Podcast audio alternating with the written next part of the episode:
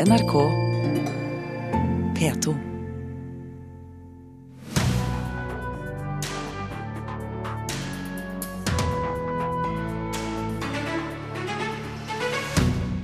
Nå kommer den amerikanske versjonen av Skam. NRK har solgt rettighetene til skaperne av Idol og Spice Girls. Man får klump i halsen og tårer i øynene, og merker at håpet om fred lever, sier vår anmelder om årets fredsprisutstilling. Og Fredagspanelet er som vanlig på plass. Der blir det klabb og dabb, tivoli og kunst og en dose skitprat. Her er Kulturnytt med Thomas Alverstein Ove. Som vi har hørt i eh, nyhetene denne morgenen, den verdenskjente TV-produsenten Simon Fuller har kjøpt rettighetene til NRK-serien Skam. En lang forhandlingsprosess om rettighetene har pågått i det skjulte siden i sommer. Denne uken ble en intensjonsavtale underskrevet. Den amerikanske versjonen kan komme allerede neste år. Og så plutselig ser han at ting har gått for fort, og så gir han meg en tegning. Utenlandske TV-aktører var ikke klare for den norske TV-serien Skam, fikk vi høre i juni. Utenlandske innkjøpere synes rett og slett at TV-serien ble for vågal, ble vi fortalt. Very, very really Tilbakemeldingene vi får, er at alkoholbruken er veldig dominerende. De er ikke bare litt fulle, de er veldig fulle, sa Claudia Schmidt, som jobber i tyske Beta Film, et selskap som drar rundt på TV-messer for å selge NRKs programmer. Men så feil kan man ta. Skam skal også lages nå i USA. Eh, Simon Fuller har kjøpt rettighetene til å produsere det for det amerikanske markedet. Og NRK har eh, undertegna en avtale med han, så det er veldig er gøy. Sier Håkon Mosleth, redaksjonssjef i NRK P3, som lager Skam. Det er TV-giganten Simon Fullers produksjonsselskap XCX Entertainment som har signert en intensjonsavtale med NRK om å produsere en amerikansk versjon av Skam for USA og Canada. Fuller har tidligere skapt store internasjonale TV-suksesser som Idol, So You Think You Can Dance, og var dessuten mannen bak popgruppa Spice Girls. Yeah! Den amerikanske versjonen kan se dagens lys allerede i løpet av det neste året, forteller Moslett. Hva faen, er det homo? Ikke homo. Jeg tror kanskje jeg er litt homo, da, men Dette skriver Simon Fuller selv om rettighetskjøpet. Shame har potensial til å bli en innflytelsesrik serie i Nord-Amerika, hvor vi ikke har noe lignende. Det viser at Norge og Skandinavia er i front på innovasjon og kreativitet, og jeg er stolt av å være med på å gjøre Skam tilgjengelig for et mye større publikum enn i dag. Håkon Mosleit forteller at flere har tatt kontakt med ønsket om å kjøpe rettighetene, men understreker at de nå først og fremst prioriterer planleggingen av fjerde sesong i Norge, som kommer til våren. Og nei, Mosleit har ikke noe informasjon om fjerde sesong utover det. Sa reporter Christian Ingebretsen. Vi har fått Håkon Mosleth i studio like greit, altså redaksjonssjef i NRK P3. Hvorfor så hemmelighetsfull om fjerde sesong av Skam? Nei, det er eh, sånn vi gjør det med Skam. Man må eh, oppsøke Skam-siden for å få eh, for å få nyhetene om, om serien. Er, vi, vi, tror det er bedre enn at vi driver og forteller om det i media. Vi får heller snakke litt om, om den amerikanske versjonen som nå trolig blir laget. Simon Fuller, hvor stor frihet får han i denne avtalen til å forme en amerikansk versjon?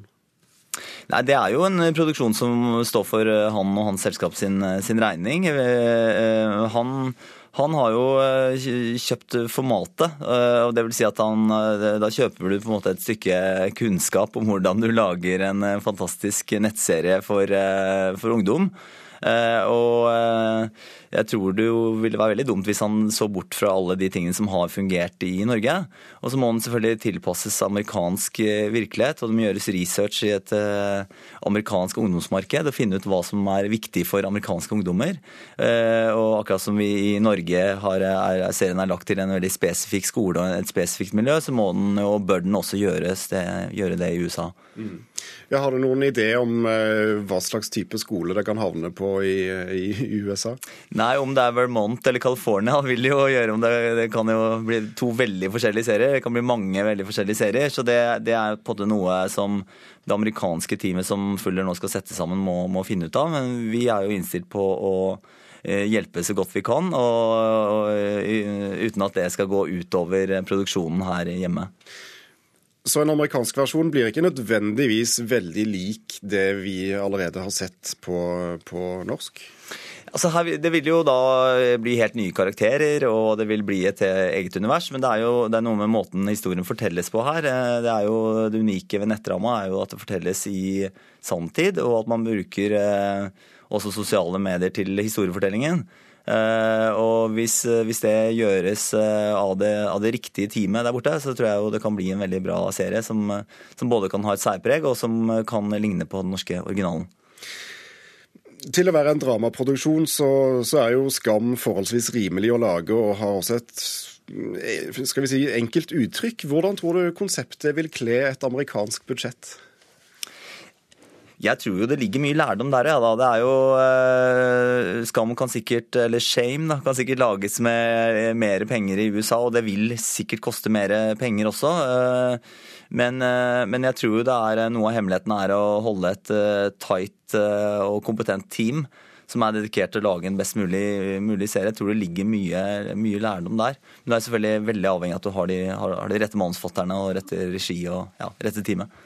Simon Fuller har skapt eh, globale TV-suksesser som, eh, som, Idol. Eh, hvor stort kan Skam eller Shame bli, tror du? Jeg tror, det, jeg tror, Shame kan bli veldig stort. Jeg tror det er en game changer i, i moderne TV. Og, og, hvis det gjøres på riktig måten, så tror jeg det kan, kan bli veldig stort. Det har et kjempepotensial. Vi må bare spørre helt til slutt. Hvordan er det å være sjef for et sånt prosjekt når, eh, når, når det sprer seg på denne er, måten? Jeg må si at det er et eventyr. Altså, for to år siden så satt det tre flinke damer i NRK Super, Ingvild Nyborg, Julie Andem og Mari Magnus, og, og jobba med en, en, nettserie for 16 eh, år gamle jenter. og Gjorde research på det. Og nå er det et, et, norsk og et skandinavisk og et, et, nesten et globalt fenomen og skal lages i USA. og Det er helt, eh, helt fantastisk, selvsagt. Håkon Mosleth, takk for at du kom til Kulturnytt.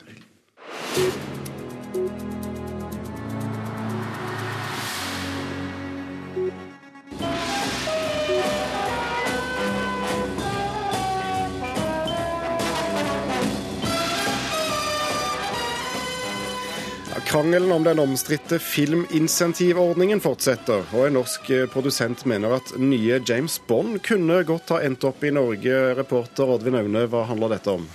Ja, Produsent Per Henry Borch sier til Dagbladet i dag at både James Bond og flere andre Hollywood-prosjekter kunne endt opp i Norge. Hadde det ikke vært for det han omtaler som en pinglete refusjonsordning. Denne insentivordningen skal jo lokke utenlandske filmproduksjoner til Norge. Men Borch mener at Norge burde gitt langt mer penger i fondet her. Han mener at Norge går glipp av eh, milliardinntekter ved at det kun er rundt 50 millioner kroner i potten. Og han er også kritisk til at det kun er én Eh, årlig frist, og at, og at søknaden søknadene bør behandles eh, fortløpende. Kulturdepartementet svarer til Dagbladet at ordningen skal utvikles over tid, og at bransjen i mellomtida får pent utvise litt magemål.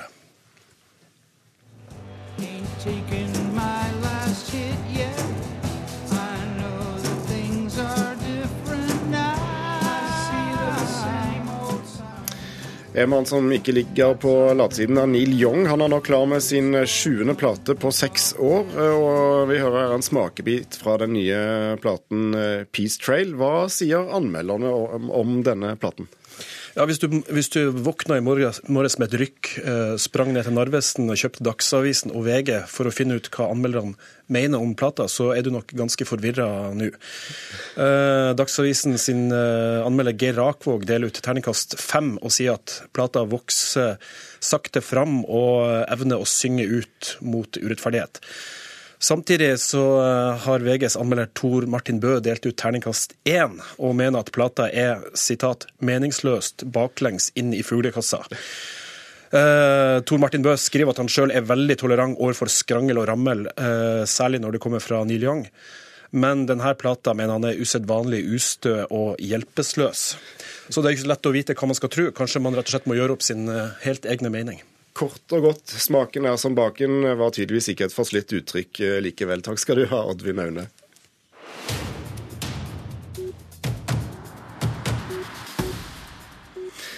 I helgen blir eh, Nobels fredspris delt ut i Oslo til Colombias eh, president Juan Manuel Santos for hans innsats for fred og forsoning med FARC-geriljaen.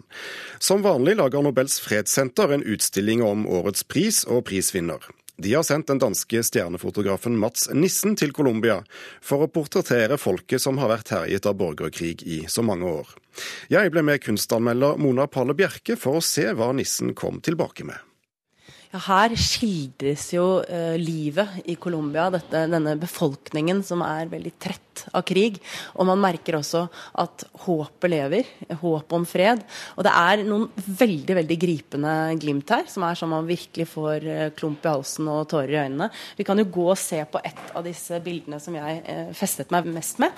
Her er det altså i FARC leiren El Diamante, så ser vi da et lite innblikk i hverdagslivet. Et lite barn på to år som ligger i en seng og sover. Hun ligger sammenkrøpet, holder armene om sin egen overkropp, akkurat som om hun kanskje tar med seg en frykt inn i søvnen, beskytter seg selv. Eh, og på eh, sengegjerdet så henger det da en bag og et eh, maskingevær. Og det er på en måte så sterkt og enkelt bilde på hvordan volden og krigen er en del av hverdagslivet da, på en veldig smertefull uh, måte. Det er jo ett eksempel på skildringen av uh, livet der krig har vært en så stor del. Fredssenteret har altså hyret inn den danske pressefotografen Mats Nissen, som ble kåret til verdens beste pressefotograf i fjor. Hvordan fungerer utstillingen han presenterer her i år? Ja, den fungerer veldig bra. Han er en fotograf som klarer å komme bakenfor motivene og fange noe helt spesielt i, i de menneskene han treffer. Han er en, en fotograf som også har en veldig forkjærlighet for skjønnhet og lokker frem både fargekombinasjoner, komposisjoner, men også noe veldig sjelfullt i de motivene han finner. Jeg syns dette er et veldig veldig, veldig flott uh, fotografisk materiale han her, uh, legger frem. Så selv om dette er dokumentarisk og, uh, og, forteller noe om virkeligheten, så er det kunstnerlig utført? Vil du si det? Ja, det vil jeg absolutt si. Dette er en meget dyktig fotograf. Han er jo ikke kunstfotograf i sånn streng forstand, men jeg tror det er et veldig klokt valg at de har satset såpass mye på fotogra fotografienes uttrykk i denne utstillingen. Det er alltid sånn når man går og ser denne utstillingen her, så er jo ikke det en kunstutstilling i den forstand.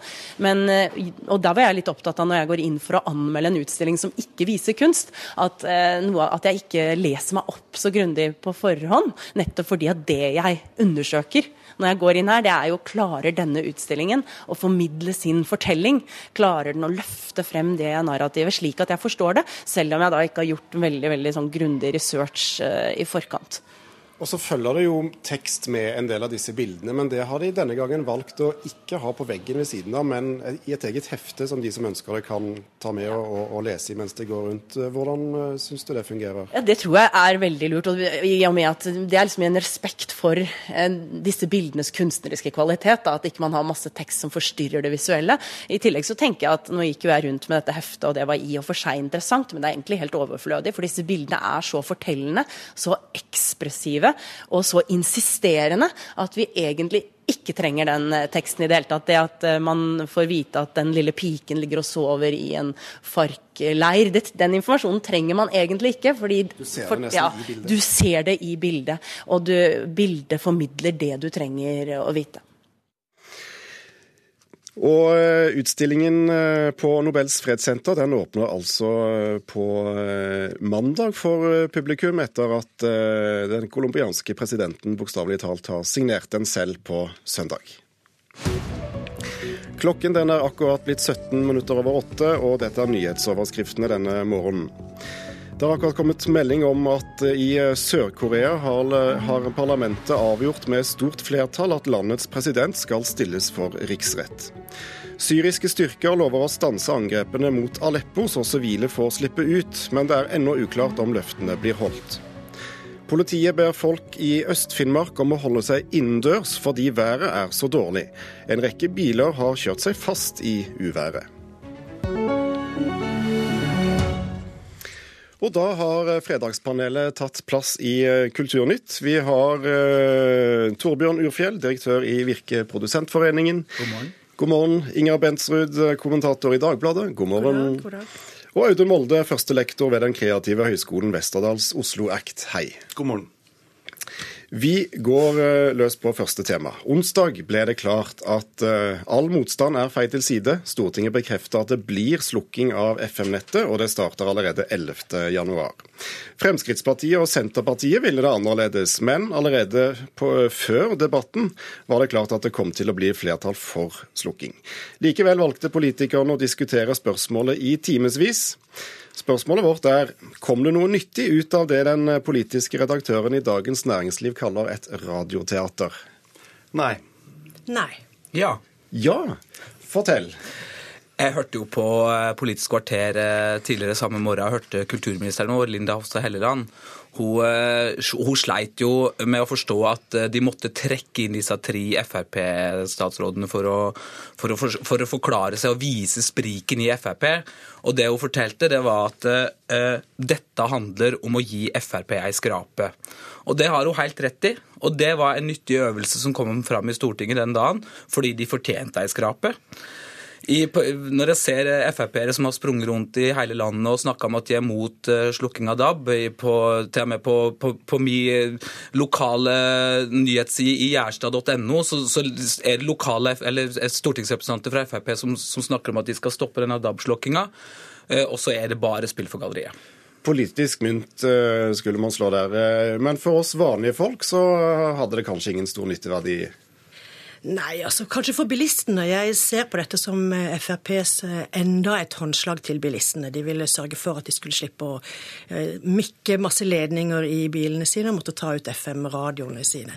Jeg må si I utgangspunktet så har jeg ikke vært så veldig entusiastisk til omleggingen til DAB. Det virker som det er litt sånn akterutseilt. Og hvorfor skal Norge være det eneste landet som skal gjøre dette? Men når det først er vedtatt og prosessen er satt i gang, så må man bare dure på, altså. Nei, At Fremskrittspartiet er opptatt av det, det skjønner jeg jo for så vidt. Man kan jo diskutere om DAB er et fremskritt i det hele tatt. Det er det jo mange som mener at det ikke er. Men å begynne med sånn diskusjon nå, det er jo helt uh, unødvendig. Det er, jeg er helt enig, bare spill for galleriet. DAB kom jo for 21 år siden i Norge, og i mellomtiden har vi fått fin, fin oppfinnelser som smarttelefoner og internett og mye annet fint som gjør at man kan jo lure på hva vi skal med DAB, da. Men neste år skal vi kaste 15 millioner radioer, så det blir mye, mye spesialavfall og mye plast som skal hives sysselsetting mm. og skal, miljøperspektiv. Skal vi, hva skal vi gjøre med dem? Vi må sende dem til et eller annet sted hvor, de, hvor det bor fattige mennesker som trenger å høre på radio. og som jeg vet ikke, Sverige kanskje? Men det, men det, blir jo veldig lett, da, siden samtlige andre land i verden faktisk har FM-radio. Ja, ikke sant? Jo, men det er ikke alle mennesker som har radio, vet du. Kanskje det er ja. Bra adapter. Skal installere adapter i sølvsuperen min. Ja. men dette er jo et stort teknologiskifte, uansett om noen mener teknologien er gammel. Og, og ting kan gå galt. Da er det kanskje et poeng at uh, politikerne får uh, på en måte sørget for at de kan ha ryggen fri hvis ting skulle gå galt? Ja da, selvfølgelig er det det. Men uh, vi, vi, får nok høre mer om dette her fra januar av og hele neste år, tenker jeg. Men det absurde er jo denne splitten i Frp, som de fortjener ei ordentlig skrape på. Det var det Linda Hofstad Helleland pekte på, at det var det som var hele øvelsen denne veka. Og, og, og det er godt å se at det ikke går an å være ansvarlig og uansvarlig på en gang. Vi bytta bytter tema fra, eh, fra DAB til um, kunstmuseum. For denne uken så fikk vi vite at Linda Banander Silseth blir ny styreleder for Nasjonalmuseet for kunst, arkitektur og design, som det heter.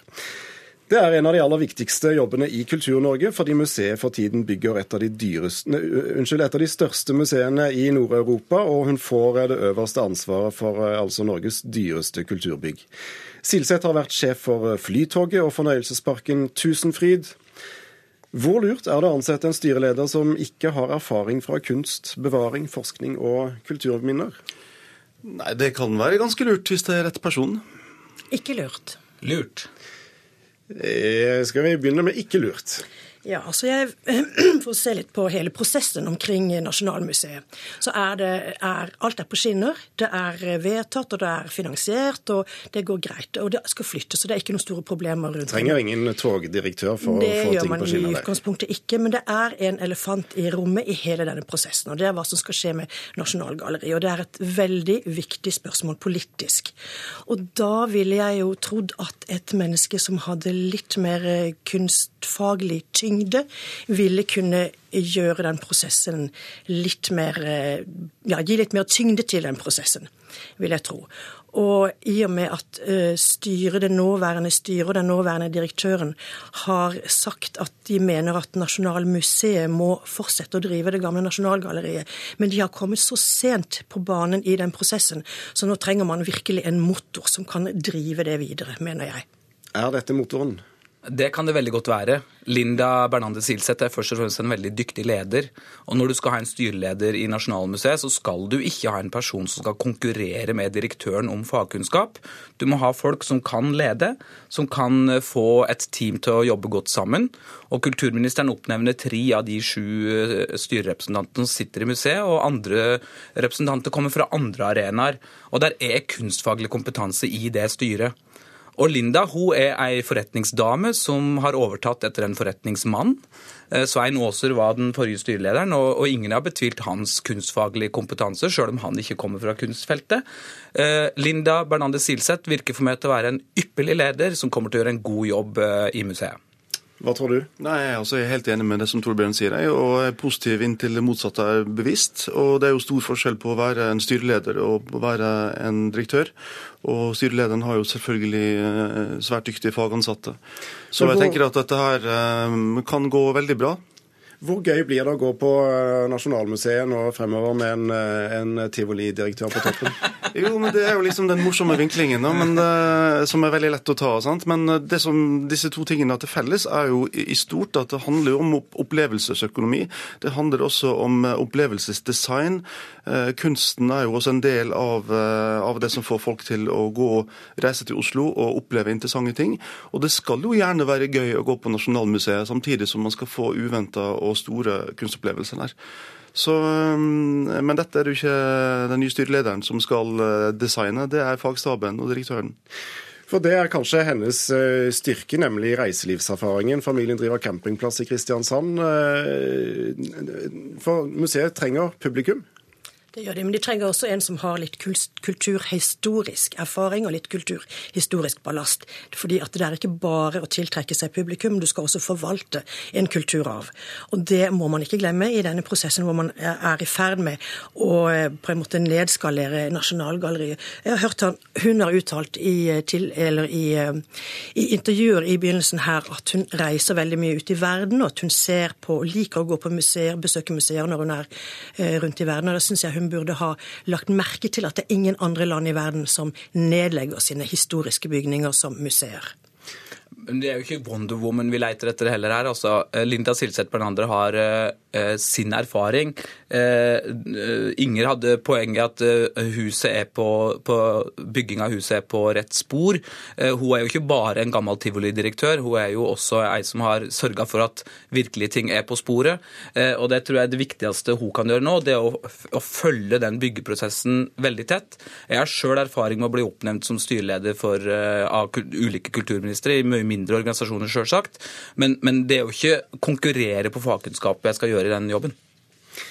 Vi må eh, videre til siste tema, for eh, det er ikke ofte det er naturlig å bruke ordet bæsj og pave i samme setning, men denne uken er det det. Unnskyld.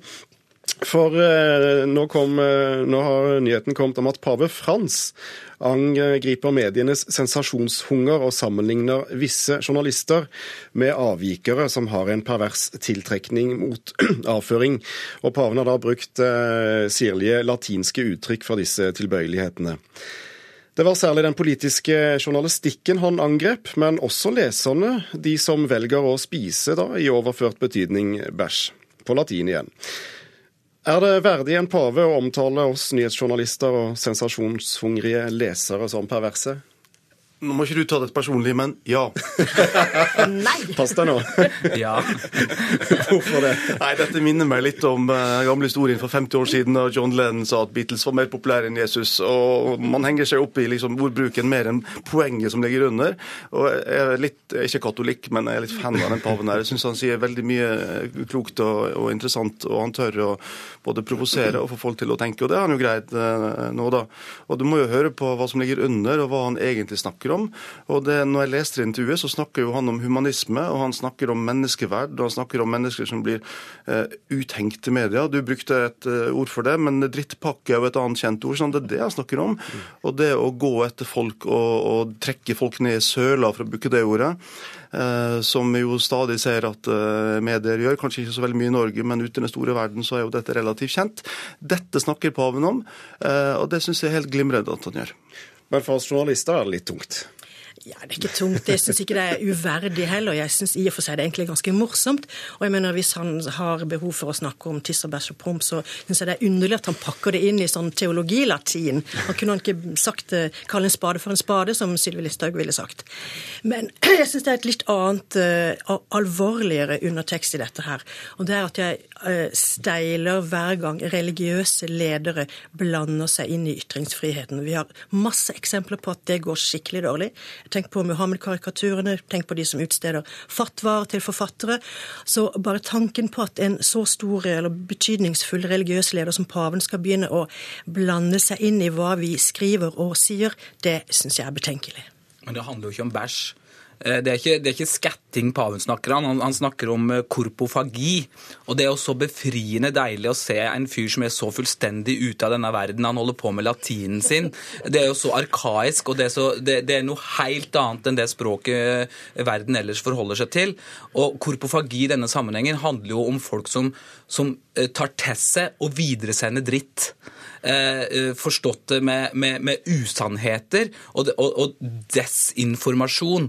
Og det er den desinformasjonen og halvsannhetene paven angriper, og jeg digger det. Mm. Om ikke annet så har vi lært litt uh, latin denne uken, da. Tusen takk for at dere kom til å være del av vårt fredagspanel, Torbjørn Urfjell, Inger Bentsrud og uh, Audun Molde. Vi nærmer oss uh, slutten på denne fredagssendingen. Ansvarlig for det hele var Gjermund Jappé, og her i studio satt Thomas Alvarstein Ove. Nå fortsetter straks uh, Nyhetsmorgen etter Dagsnytt.